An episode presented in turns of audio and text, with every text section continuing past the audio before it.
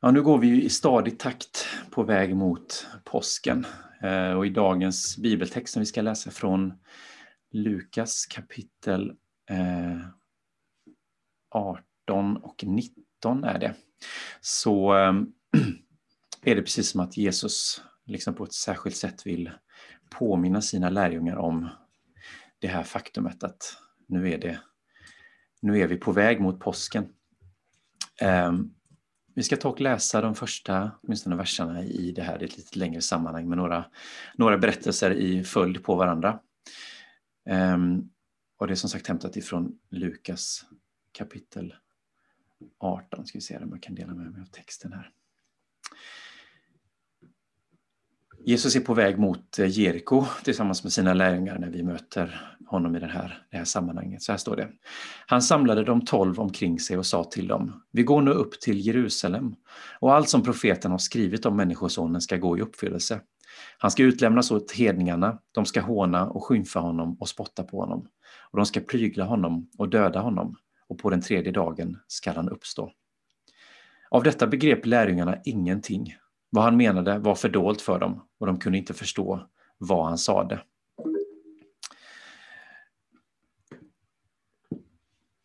Eh, ja, under den här vandringen på väg dit mot Jeriko, som säkert tar ett litet tag, kan jag tänka mig. Det är inte så att vi får eh, följa allting som händer. De här liksom pauserna och eh, om man säger de här kanske lite mer Eh, där det inte händer så mycket. Det är inte riktigt det som vi läser om i evangelien utan det är ju höjdpunkterna och däremellan så får vi ju tänka oss att det händer saker. Jesus är ju ändå ute i tre och ett halvt år ungefär med, eh, eh i sin tjänst. Och det är ju inte alla de dagarna som vi läser om i evangelierna.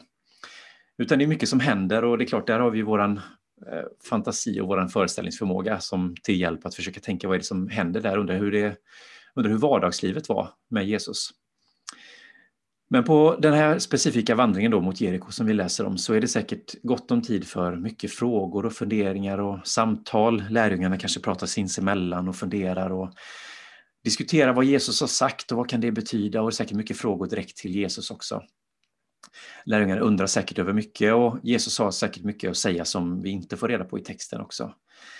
Eh, men då kan vi också vara ganska säkra på att det som faktiskt är med i texten, det som Lukas återger, att det är någonting som är viktigt och kärnfullt. Vi läser att han vid ett tillfälle längs vägen här då samlar sina lärjungar och säger till dem, vi går nu upp till Jerusalem. Och när man läser de orden så är det precis, ja, när jag läser dem så känns det liksom som att när Jesus säger det, vi går nu upp till Jerusalem, så är det någonting så definitivt, något slutgiltigt i det sättet som Jesus säger de här orden. Jag får nästan säga bilden av, tänk att man är på ett studiebesök på ett museum med en skolklass och så vänder sig lärjungarna, eller lärjungarna, vänder sig läraren till barnen och säger nu går vi in på museet. Och nickar allvarligt för att riktigt betona allvaret här, att det, det ligger kanske ett underförstått. Och därför hoppas jag att ni uppför er och inte rör någonting och för Jesus så är det kanske inte det här uppfordrande orden i samma bemärkelse, men det ligger ändå någonting sådär, det är någonting mer i det här konstaterandet. Det är inte bara att nu är vi på väg från plats A till plats B, utan det är någonting som är liksom mättat i de här orden. Lärjungarna kanske tittar frågande på varandra.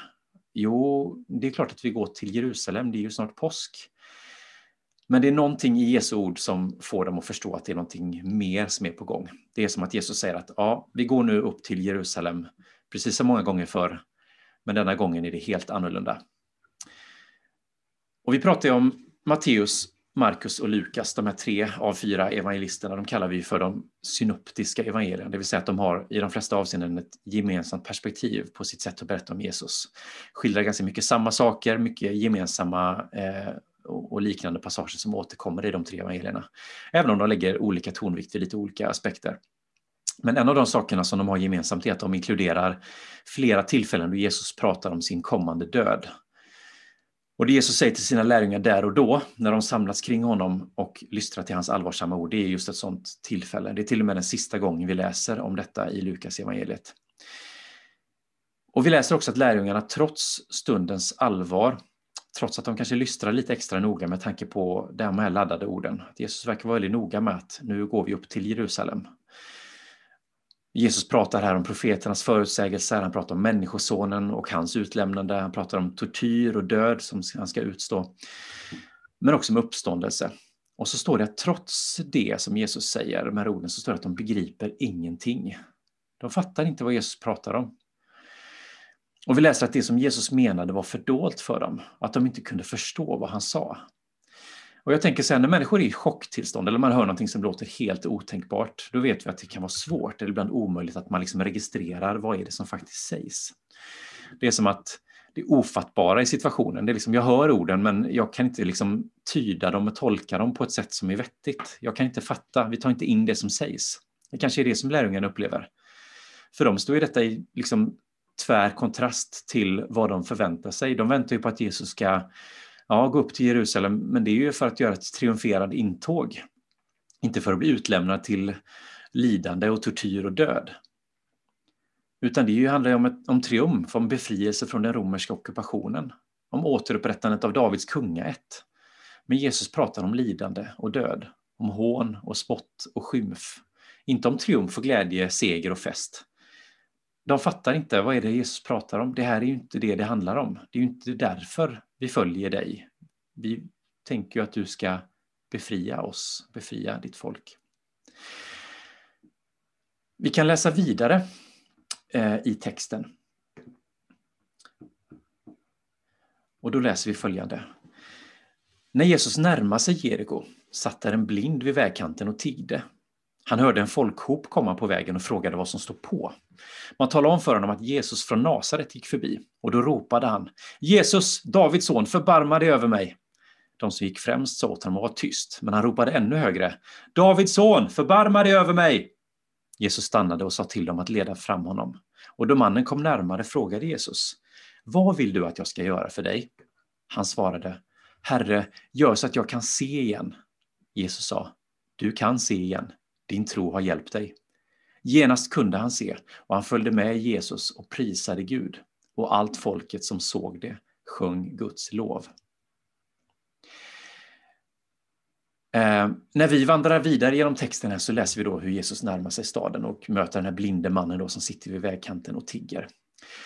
Och här då tänker jag att det här är det viktigt att vi försöker ta av oss de här liksom vi har ju våra glasögon som vi har på oss, bokstavligt, och en del av oss. Men, men tänk nu de här glasögonen som vi har som är färgade, som gör att allt det som vi läser och allt det som vi hör och ser, det filtrerar vi genom våran kultur, genom våran samtid, genom hur vi ser på saker och ting. Och vi måste förstå att den här mannen då, han är blind. Ja, det är ju synd, men det kan man ju leva med. Men för den här mannen i den här tiden, i den här kulturen, så har han liksom inga som helst av de rättigheter som vi förväntar oss att människor ska ha. Han har inga förmåner från myndigheter som liksom säkrar och skyddar hans människovärde. Han har säkert till och med med stor sannolikhet fått höra att hans blindhet är ett straff för något han själv har gjort. Eller kanske som något av hans föräldrar har gjort, eller förfäder. Och han är därför dömd till ett liv i tiggeri. Han är helt och hållet beroende av andras barmhärtighet. Så när Jesus kommer förbi, då ropar han ut Jesus, Davids son, förbarma dig över mig. Anständighet och ordning, det är lika viktigt här som i vår tid, långt viktigare kanske än barmhärtighet och empati. Så den här folkhopen som ansluter sig till den här Jesusrörelsen på väg in i Jeriko, de hyschar åt mannen och ber honom att vara tyst. Men eh, desperation har inte tid att bete sig rätt och riktigt och anständigt, utan mannen höjer istället rösten och ropar ännu högre. Och Jesus, han stannar, han kallar till sig mannen och undrar vad han vill att Jesus ska göra för honom. Och det här är ju en sån där riktig Jesusklassiker, Så att många av oss reagerar nästan inte ens över att Jesus frågar på det sättet han gör. Jag kan tänka mig att om det skulle komma fram en person till Jesus vars hår står i brand, så hade Jesus frågat precis samma sak. Eh, vad vill du att jag gör för dig? Eh, jo, mitt hår brinner. Skulle du kunna släcka det? Eh, det är en blind man, Jesus. Vad tror du att han vill? Eh, jo, Jesus, jag är lite nyfiken på hur du ser på tempeltjänstens symboliska betydelse. Eller skulle du kunna förklara hur du ser på det här med att Israels folk följdes av en vandrande klippa med inbyggd vattenledning under ökenvandringen. Jag är så nyfiken på det. Så ska jag gå och sätta mig och fortsätta tigga sen, om du bara, bara får din, din input och din åsikt. Det har varit lite intressant för mig. Nej, för den här mannen så finns det bara en sak eh, och det är gör så att jag kan se igen. Ge mig min syn tillbaka. Ehm, och det här är som så många andra fall, när vi läser om de här helande och miraklerna så är det så viktigt att vi ser vad det är Jesus faktiskt gör. För det händer så mycket mer än bara miraklet, om man nu säger så, bara mirakel, det låter som, det är lite paradoxalt att säga så, men det handlar mer om att eh, bota den här mannens blindhet, det handlar mer om att den här mannen bara saknar förmågan att se. Det här handlar om hans människovärde, det handlar om att vara innanför eller utanför samhälle och gemenskap. Det handlar om att kunna leva ett värdigt liv eller att behöva sitta vid dikeskanten och tigga. Det handlar om att kunna försörja sig själv eller att vara beroende av andras barmhärtighet. Jag kan tänka mig att när den här mannen gick ifrån det här mötet med Jesus och kunde liksom njuta av att se färger och former, att kunna se ansikten på familj, släkt och vänner, så var det säkert en njutning för honom. Men framförallt så blev han upprättad som människa. Men så till då liksom den här frågan, varför möter vi den här situationen här? Varför dyker den här berättelsen upp här? Efter att vi precis har läst om hur Jesus pratat om sin död och alla de här sakerna som ska hända och hur svårt lärjungarna hade att förstå det. Så tänk så här, Lukas han älskar kontraster. Han älskar att sätta svart mot vitt, mörkt mot ljust. Förra söndagen läste vi om den rike mannen och Lazarus, en berättelse som är full av de här paradoxerna och kontrastskildringarna. Den fattige och den rike, eh, lidande och njutning i överflöd och så vidare. När Jesus berättar om sitt öde i den här första passagen så förstår lärjungarna ingenting. Det står att vad han menade var fördolt för dem. I nästa berättelse möter vi en blind man som saknar fysisk förmåga att se, men som ser Jesus. Trots att han inte kan se så ser han vem det är som kommer gående på vägen. Och Jesus ser vem han är. Jesus ser honom. Vi ska läsa en till text. Eh, den sista texten i dagens eh, sammanhang. Och det här är ju en eh, sån här greatest hits-berättelse från söndagsskolans flanellograf. Vi läser att Jesus kom in i Jeriko och gick genom staden. Där fanns en man som hette Sackaios och han hade hand om tullen och han var rik. Han ville gärna se vem denne Jesus var, men han kunde inte för folkmassan, för han var liten till växten. Han sprang i förväg och klättrade upp i en sykomor för att kunna se honom eftersom han skulle gå förbi där. När Jesus kom dit såg han upp mot honom och sa Skynda dig ner Sackaios, idag ska jag gästa ditt hem. Sackaios skyndade sig ner och tog emot honom med glädje. Alla som såg det mumlade förargat. Han har tagit in hos en syndare. Men Sackaios ställde sig upp och sa till Herren, hälften av vad jag äger, Herre, det ska jag ge åt de fattiga. Och har jag pressat ut pengar av någon så ska jag betala igen det fyrdubbelt. Jesus sa till honom, idag har räddningen nått detta hus. Han är också en son till Abraham och Människosonen har kommit för att söka efter det som var förlorat och rädda det. Vi kan ju tycka att det är lite trist att vi inte har något annat sätt att karaktärisera Sackaios med än att han enligt Lukas var liten till växten. Men det är de här faktorerna vi har att jobba med. Eh, och det är väl kanske därför också som han är lite minnesvärd, eh, Sackaios, att han, han ser ingenting den här stackaren. Han springer där bakom och det är bara ryggar och axlar. Och, och han vill ju se Jesus och i sin desperation så klättrar han upp i det här trädet. Eh, när det gäller det här Eh, att, att, han beskrivs på detta sättet så vi kan väl stanna upp lite vid det.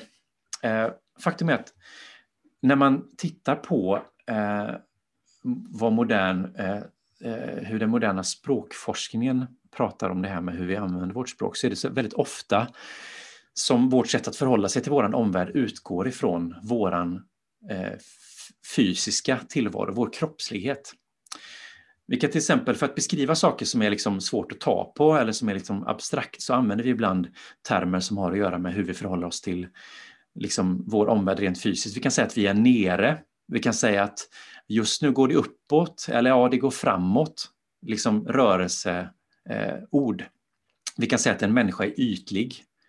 Vi kan säga att vi ser någon djupt i ögonen. Alla de här rumsliga orden de hjälper oss att förhålla oss till sånt som kanske vi inte kan ta på eller lite mer abstrakta företeelser på olika sätt. Och Det är också det som gör att vi kan förstå och använda liknelser och allegorier och metaforer på olika sätt. Eh, ofta är det, använder vi dem med just de här kroppsliga orden liksom, som har att göra med vår egen plats i världen och vårt eget förhållande till, till vår omvärld. Och visst är det väl så kanske att Sackaios då, kortvuxenhet som är, ett sånt, eh, eh, som är en sån liksom karaktäriserande egenskap och sånt. Det är också en slags kanske allegori för hans låga ställning i samhället. Han är en tullindrivare som är rik. Han arbetar för fienden och gör sig rik på att ta en alldeles för stor del av kakan av den skatt som han driver in åt romarna på det här förtryckta folkets bekostnad. Um, andra världskriget gav oss en term för sådana som honom, en kvissling, en landsförrädare. Han har inget högt anseende, han är en väldigt lågt stående människa i den här kulturen, både fysiskt men också i människors anseende. Men även i denna berättelsen så har vi någon som blir sedd och någon som ser. Sackaios han är nyfiken på att se vem Jesus är, men han kan inte se honom.